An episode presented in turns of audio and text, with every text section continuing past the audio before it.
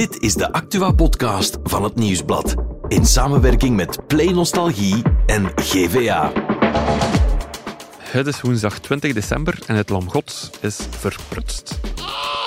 Donald Trump mag niet deelnemen aan de voorverkiezingen in Colorado. Bullshit. En in Zelzaten loopt een mysterieuze kerstman rond. Maar eerst hebben we het uiteraard over Thibaut Courtois. Onze beste doelman gaat niet mee naar het EK en hij tackelt meteen ook nog eens de bondscoach met de voeten vooruit. Waarom, in godsnaam? Mijn naam is Bert Heijvaart en welkom bij The Insider.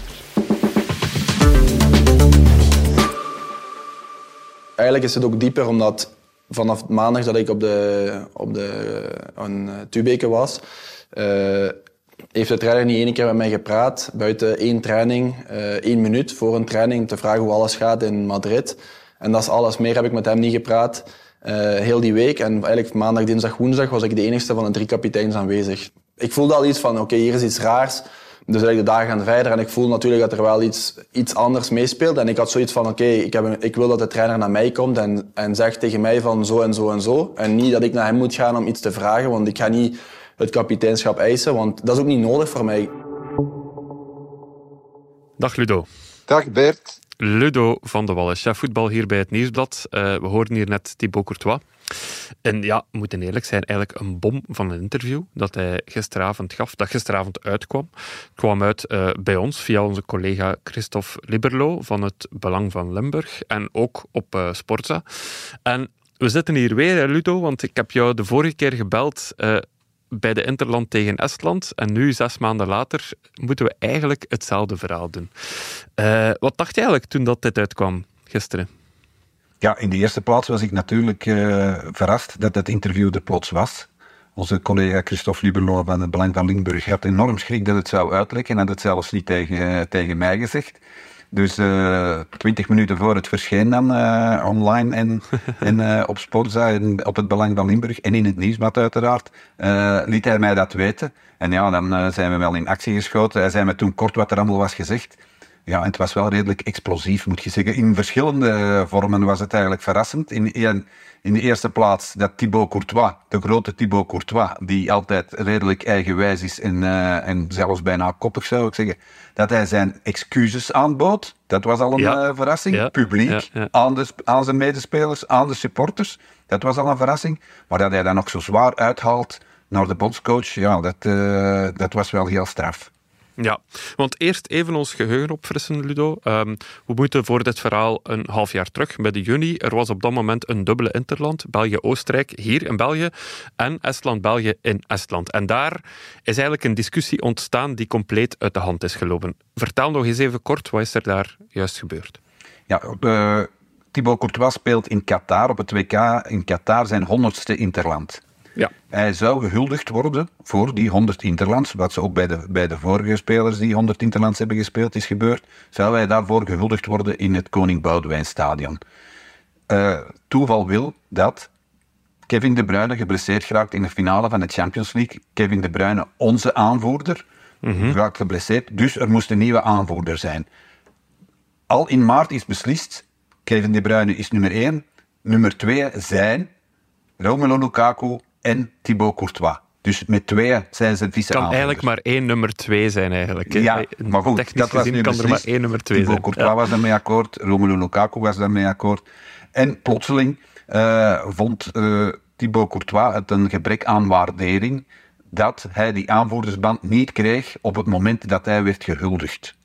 En daarvoor was hij kwaad en heeft hij met de bondscoach gepraat dat, uh, ja, waarom dat hij die aanvoerdersband niet had gekregen. Mm -hmm. De bondscoach heeft daar een uitleg voor gegeven, die voor Thibaut Courtois onvoldoende was. En daarom is hij de volgende dag niet meer opgedaagd voor de uh, training van de Rode Duivels. En is hij dus niet meer naar Estland ge gereisd. Voor zover ik weet is dat zoiets nog nooit gebeurd. Ja. En het gaat over Thibaut Courtois, de beste doelman ter wereld.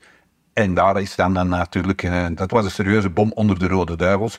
De bondscoach heeft dan in Estland zijn versie van de feiten gegeven. Hij heeft gezegd, ik wil eerlijk zijn. Mm Thibaut Courtois wilde een blessure simuleren. Ja, um, nu over, over die geveinsde blessure, al dan niet geveinsde blessure, daar komen we straks nog op terug, want dat is nog een interessant detail natuurlijk in het verhaal. Maar eerst even over het interview nu nog dat Courtois heeft gegeven. Hij heeft zijn versie van de feiten gegeven. Hij zegt, maar het gaat eigenlijk niet over die kapiteinsband. Maar waarover gaat het dan wel eigenlijk bij Thibaut Courtois? Want heel die discussie begon toch rond die kapiteinsband. Ja, uh, zegt dus, de kapiteinsband is eigenlijk gewoon een symbool, uh, Bert, daarvoor. Dat, ja. uh, dat hij die niet heeft gekregen, want het gaat de hele tijd over waardering, respect. In de aanloop naar die Interland tegen Oostenrijk, dat ze een dag of vier of vijf zijn samen geweest, heeft de bondscoach maar één minuut met Thibaut Courtois gepraat. En dat vindt Thibaut Courtois, hij als aanvoerder zijnde dan, samen met Romelu Lukaku, mm. vindt hij dat veel te weinig. En hij wil daar meer uh, over praten. Het is iets wat met andere trainers blijkbaar wel gebeurt. Het is zo, en dat kun je misschien de bondscoach wel een beetje aanwrijven, dat hij een people manager, je moet voelen wie heeft dat nodig, wie heeft dat niet nodig, Thibaut Courtois. Ja. Ondanks alles wat hij heeft meegemaakt, heeft dat blijkbaar nog nodig. Misschien had de, de bondscoach daar wel wat meer tijd moeten insteken. Uh, en vragen hoe dat vooral, denk ik. En dat is ook nog altijd een belangrijke reden die we uit het oog verliezen. Drie, dagen, drie, vier dagen na de Interland in Estland ging hij trouwen. Uh, mm -hmm. Dat hij misschien eens een beetje over die trouw had gepraat en zo. Dat had Thibaut Courtois wel geholpen. Want voor mij is dat nog altijd de reden waarom hij niet wilde blijven bij de Rode Duivels. Omdat vijf dagen later die fantastische trouw, twee of drie dagen heeft die geduurd, uh, denk ik, op ja. het programma stond. Uh, het ging over niks anders uh, als je de, op de social media van zijn toekomstige vrouw Michel en van hem ging het altijd maar over die trouw.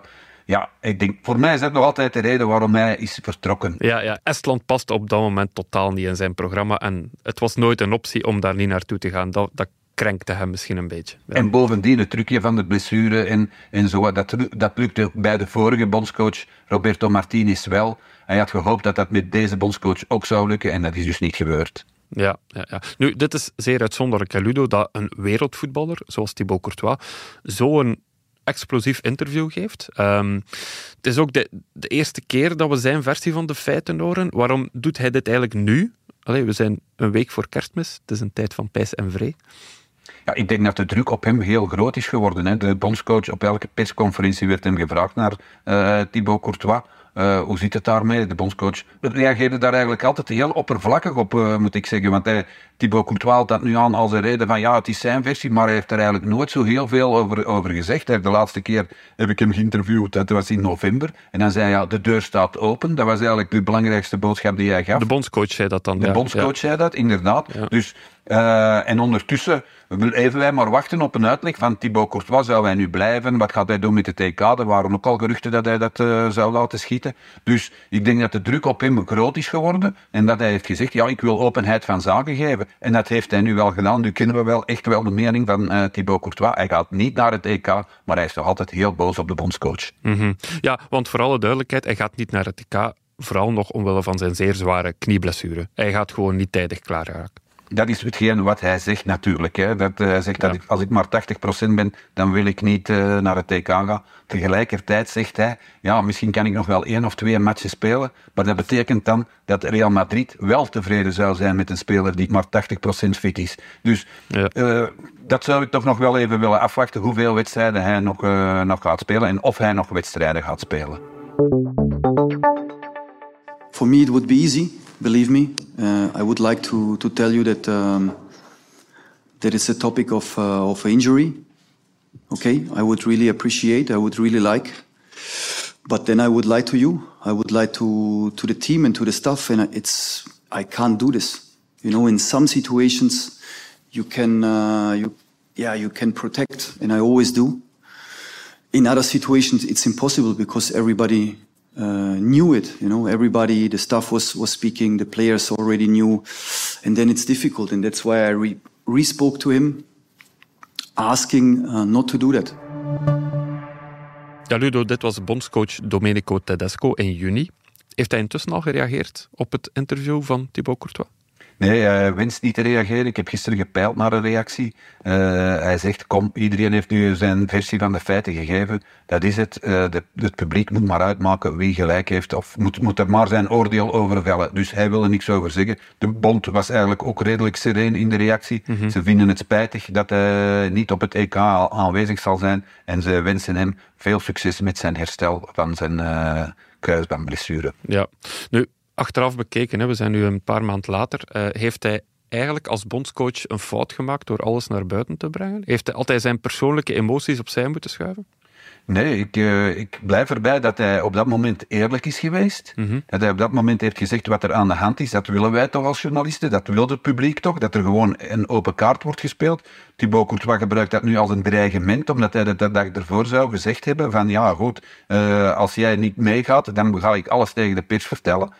Goed, is dat, een, is dat een dreigement? Moeten we dat als dreigement beschouwen? Of gewoon zeggen van ja, ik ga eerlijk zijn. Ik vond het eigenlijk nogal sneu van, uh, van Thibaut Courtois, die op een bepaald moment zegt ja, ik heb al veel trainers gehoord, er is niemand die de waarheid vertelt tegen de pers. Dat is dus heel leuk om, uh, om zoiets te horen. Tegelijkertijd vindt... Uh, Jan Vertongen in alle gesprekken die, me, die hij met Jan Vertongen voert, vindt het net heel goed van Domenico Tedesco dat hij direct, dat hij eerlijk is. Dus dat is misschien ook wel een impliciete verwijzing naar zijn voorganger, Roberto Martinez, die dat ja. wat minder was, die meer ontvloerst was, niet direct was. Ja, want eigenlijk het verhaal van Tedesco draaide vooral rond uh, de vraag van Thibaut Courtois om ja, te liggen. Hè, om tegen het publiek te zeggen, Courtois heeft een blessure, hij kan niet mee naar Restland. Um, en Tedesco wou dat niet. Um, nu, voor alle duidelijkheid, was er een knieblessure of weten we nu helemaal dat die er helemaal zeker niet was? Nee, die was er, die was er niet. Uh, in heel het interview dat er uh, heeft plaatsgevonden, is, daar op, is dat op geen enkel moment te sprake gekomen. We herinneren ons nog allemaal de foto die door zijn huidige vrouw op uh, social media is gezet, waar dat hij dan vliegtuig. zo uh, leek alsof dat hij zijn knie te rusten moest leggen en er, er waren wat pleisters op. Dus, maar dat is in dat interview helemaal niet ter sprake gekomen. En dat heeft Domenico Tedesco ook wel op die persconferentie toen gezegd. Van ja, hij wilde dat ik zou zeggen dat hij een blessure heeft. Maar dat was helemaal niet het geval. We moeten het ook in die context van toen plaatsen, hè Bert. Op dat moment mm. was Domenico Tedesco zijn groep nog aan het vormen. Iedereen wist dat Thibaut Courtois niet geblesseerd was. Iedereen bedoel ik zijn staf en, zijn, uh, en, en, de spelers van de Rode Duivels wisten dat hij niet geblesseerd was. Als hij dan naar buiten komt en hij zegt, ja, Thibaut is ge geblesseerd, dan verliest hij zijn geloofwaardigheid ten opzichte van die, van die staf ook. En dat heeft hij proberen te vermijden. Ja, want dan wil ik net vragen, dan wordt het toch eigenlijk vooral een machtsstrijd. Als hij, als hij meegaat in het verhaal van Courtois, dan plaatst hij zich als nieuwe bondscoach eigenlijk onder zijn speler. Dat was inderdaad volgens mij ook de reden waarom uh, Domenico Tedesco op dat moment heeft gezegd van ja, nee, ik, uh, ik, ik ga niet liggen. En ik ga het vooral eerlijk doen. Misschien ook een beetje dreigen ten opzichte van Thibaut Courtois. Van te zeggen van ja, ga toch maar mee. Maar ik vind dat eigenlijk wel logisch. Ja, ja. Um, uiteindelijk hij heeft ervoor gekozen om zelf de teugels in handen te houden, om te zeggen van kijk, ik bepaal hier de regels. Maar als ik jouw commentaarstuk lees vandaag, uh, Ludo, dan houdt dat ook wel risico's in richting het EK. Ja, inderdaad, met uh, Thibaut Courtois hebben we de beste doelman ter wereld. En als die in het doel zou staan, dan zijn de kansen nu eenmaal groter dat, uh, dat de Duivels een goed resultaat halen op het, op het EK. Zo, zo gaat het nu helemaal. Hè. Dat, uh, dat moeten we niet onder stoelen of banken steken. En dat is het dubbelzinnige gevoel dat je natuurlijk hebt. Wat Thibaut Courtois heeft gedaan, daar blijven we bij. Heeft hij nu zelf ook gezegd, de groep verlaten, dat kan niet. Aan de andere kant verliest je wel een heel goede doelman. Dus, en dan hebben we ook nog post-EK. Wat er dan gaat gebeuren, zijn we dan Thibaut Courtois voor altijd kwijt. Daar lijkt het nu wel heel sterk op na. Die uitspraken, zeker als Domenico Tedesco bondscoach blijft. Maar Thibaut Courtois heeft wel de truc opgevoerd op uh, Domenico Tedesco. Want als het dan op het EK zou mislopen, om een of andere reden, ja, dan komt dat, uh, dat conflict met Thibaut Courtois natuurlijk weer aan de oppervlakte. Ja, ja, ja, ja. Dan, dan gaan we ons altijd afvragen wat als Thibaut wel was meegeweest. Ja, en ook wat erna gebeurt. Hè. Gaan we, wie, wie gaan we opofferen? Gaan we Thibaut Courtois opofferen of gaan we de bondscoach opofferen? Want de bondscoach heeft het toch niet zo goed gedaan op het EK. Dus dat is dan uh, de druk waar de Thibaut Courtois voor, voor zorgt. Ik weet ook dat bepaalde spelers uh, zaken gelekt hebben. Dus uiteindelijk is dat, is dat gewoon jammer. En, en, en heeft bepaalde dingen heeft gewoon mijn gevoel verstevigd van wat ik al had, wat misschien weinig mensen wisten. Maar heeft me wel verstevigd van hoe ik mij voelde. En dat ik wel een beetje gelijk had over hoe ik me voelde. Uiteindelijk, ik heb nooit gezegd dat uh, die spelers niet voldoen. Want jongens als uh, Castagne en Tielemans, uh, Dennis Praat, ik ken die al heel lang. en ik, we, hebben wel heel, in het WK in Rusland hebben ook met hun gespeeld. Ik kon maar zeggen, dat dat is niks nieuws. Het enigste, en dat heb ik geen schrik om dat te zeggen, dat in de match tegen, tegen Oostenrijk, als je op achterstand komt, en je hebt een paar jongens in je ploeg die misschien gedegradeerd zijn en die misschien meer matchen hebben verloren op een seizoen. Ik gewoon dat het moeilijker is soms om die match te kunnen winnen. Ludo, we horen hier nog een fragment van het interview met Courtois. Uh, en daarin heeft hij het over zijn ploegmaat. Want eigenlijk hij niet alleen de bondscoach uh, geschoffeerd, maar ook zijn ploegmaat. Um, hij had onder meer gezegd van ik wil niet samenspelen met degradanten, uh, wat toch een beetje kleinerend overkwam. Nu, hoe zit dat juist? Zijn die plooien intussen glad gestreken? Ja, er zijn enkele ploegenmaats, ook op die persconferentie in Estland al, uh, kwam Jan Vertongen aan het woord en die zei wel van, ja, Thibaut heeft het groepsproces verstoord. Mm Daarna zijn er nog interviews geweest met onder meer Timothy Castagne, die ook zei van, ja, we willen excuses. Yannick Carrasco heeft dat ook gezegd. Thomas Meunier, goed, die is misschien geen rode duivel meer, maar hij heeft dat eigenlijk ook gezegd. Dus in die groep leefde echt wel het feit van, ja, hij moet zijn excuses aanbieden. De enige die een beetje genuanceerd was, was Romelu Lukaku, die dan ook wordt aangehaald door Thibaut Courtois in het interview, als de enige die het eigenlijk echt begrepen heeft. Uh, die was een beetje genuanceerd, die had het niet over excuses en zo. Dus uh, op die manier uh, zijn die ploegmaats wilden die wel excuses, maar die hebben ze ook gekregen. Dus ja. ik denk dat dat wel een grote stap in hun richting is geweest van Thibaut Courtois. En als, als je nu de duivels zou laten kiezen, zouden ze er hem bij willen op het EK? Ik denk dat wel. Ik denk dat ze uh, bijvoorbeeld de leider, die op dit moment onmiskenbaar uh, Romelu Lukaku is, en die kan het nog goed vinden met Thibaut Courtois, die zal dan wel zijn zegje doen. En ik denk dat er dan wel terug een verzoening mogelijk is. Goed, een verzoening er is niet echt ruzie geweest, maar ja, ze zitten natuurlijk wel met een heel vervelend gevoel. En als Courtois zich dan op een normale manier gedraagt, denk ik niet dat er een probleem is. Het zijn ook allemaal voetballers, zij willen ook zo ver mogelijk raken. Uh, ja. Bert, op dat vlak zijn ze echt wel uh, opportunistisch genoeg. Ja, ja, ja. oké. Wie gaat er nu eigenlijk in de goal staan? Wordt dat Koen Kasteels, uh, die momenteel eigenlijk de nummer 1 is? Of toch nog iemand anders. Simon Mignolet wordt weer genoemd, ook al heeft hij eigenlijk al afscheid genomen van de, van de Duivels. Ja, het is uh, die hiërarchie, op dit moment is het Koen Kasteels. Dat, uh, dat staat vast. Maar de wedstrijden die Matt Sels heeft gekipt, die waren goed. Die waren uh, zeer degelijk. De bondscoach was ook vol lof over hem. Simon Mignolet denk ik niet dat hij nog gaat terugkeren. Simon Mignolet heeft aangegeven van, joh, als ze mij nodig hebben, dan mogen ze mij altijd bellen. Maar de bondscoach heeft daarop gezegd van, ja goed, ik heb goede keepers. Ik, uh, ik hoef niet iemand te bellen die uh, heeft afgezegd. Dus op dit moment is het Koen Kasteels. Maar Koen Kasteels, spijtig genoeg, in vorige Interlands, bijvoorbeeld die belangrijke Interland uh, die we in Oostenrijk hebben gespeeld, was hij er niet bij. Ja, dat is wel vervelend. Koen Kasteels heeft altijd wel de pech dat op, op een moment dat hij zich nog eens helemaal goed en wel kan tonen dat hij altijd geblesseerd is, of toen was hij ziek. Er is, er is altijd iets. Dus nu hopen we vooral dat dat voor het EK niet het geval zal zijn. Zodanig dat we toch nog met drie goede doelmannen, Koen Kasteels, Matsels en dan de derde doelman dat waarschijnlijk eh, Kaminski zal worden, dat we met die drie degelijke doelmannen naar het EK zullen kunnen gaan. Maar het is natuurlijk geen Thibaut Courtois, dat moeten we ook ja, wel Ja, ik wou net vragen, kunnen we daarmee Europees kampioen worden? Ja, alles kan Bert uh, zien naar Italië. Die zijn Europees kampioen geworden. Die gaan daarna niet naar het, uh, het WK. Die plaatsen zich nu nooit voor het, uh, voor, voor, het EK. Dus alles hangt er vanaf wat er op dat moment, uh, wie dat op, op, dat moment in vorm is. En als Koen Kasteels of Matsels op dat moment in de vorm van zijn leven is, waarom zouden we dan geen Europees kampioen kunnen worden? Maar er zullen er wel meer dan de toelman in de vorm van hun leven moeten zijn. Want we zijn zeker geen favoriet hè, om uh, Europees nee. kampioen te worden. Lap, alle illusies meteen verbroken, Ludo. maar toch, bedankt voor dit gesprek. En uh, ja, we zien wel hoe het verder loopt en wie er dan uiteindelijk in de goal zal staan uh, op het EK. Merci, Ludo. Oké, okay, Er is natuurlijk ook nog ander nieuws vandaag en daarvoor is Joni erbij komen zitten. Dag Joni. Dag Bert. Joni, uh, het Lam Gods is volledig verprutst, zeiden we in de inleiding. Ja. Dat is jammer voor het meesterwerk van Vlaanderen. Ja, de restauratie van het Lam Gods moet onmiddellijk stopgezet worden om te voorkomen dat het absolute topwerk van Vlaanderen verder beschadigd wordt. Oei. Dat is niet mijn mening, dat is de mening van twee experten die er wel iets van kennen. Ja. En zij vinden dus dat die restauratie echt niet goed gelukt is. Ja, en wat is er juist ja, mislukt? Want die restauratie is toch al een paar jaar bezig. Ja, het grootste, hun grootste frustratie is het lam, het, de kop van het lam.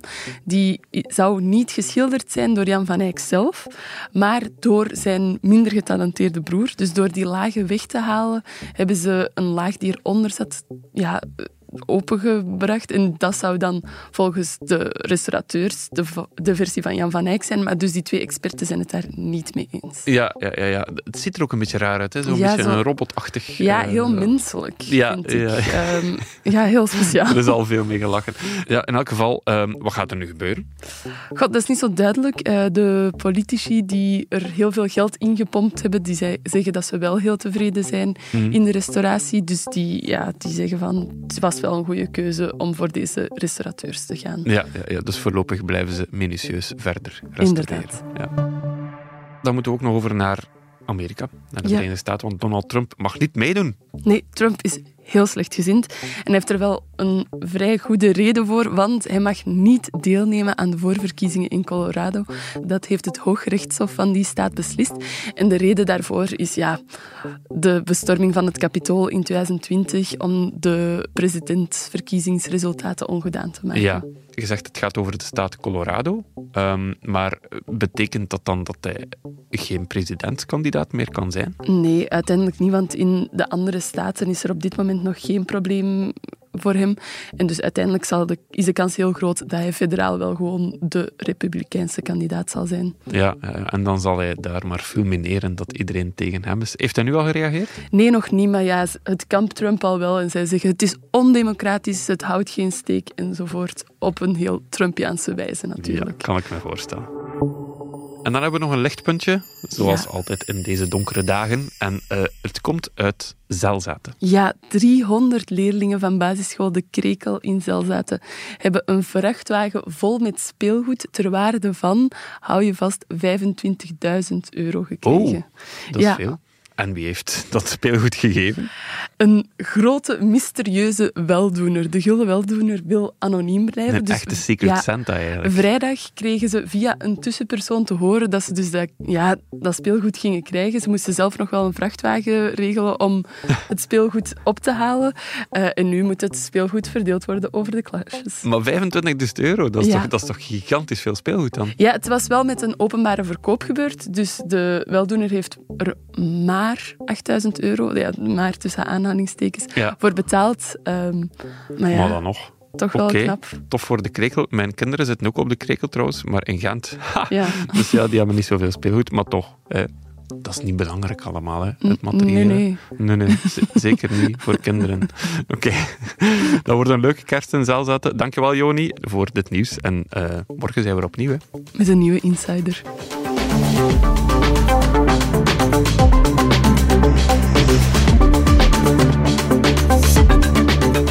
Was The Insider, een podcast van het Nieuwsblad in samenwerking met Play Nostalgie en GVA.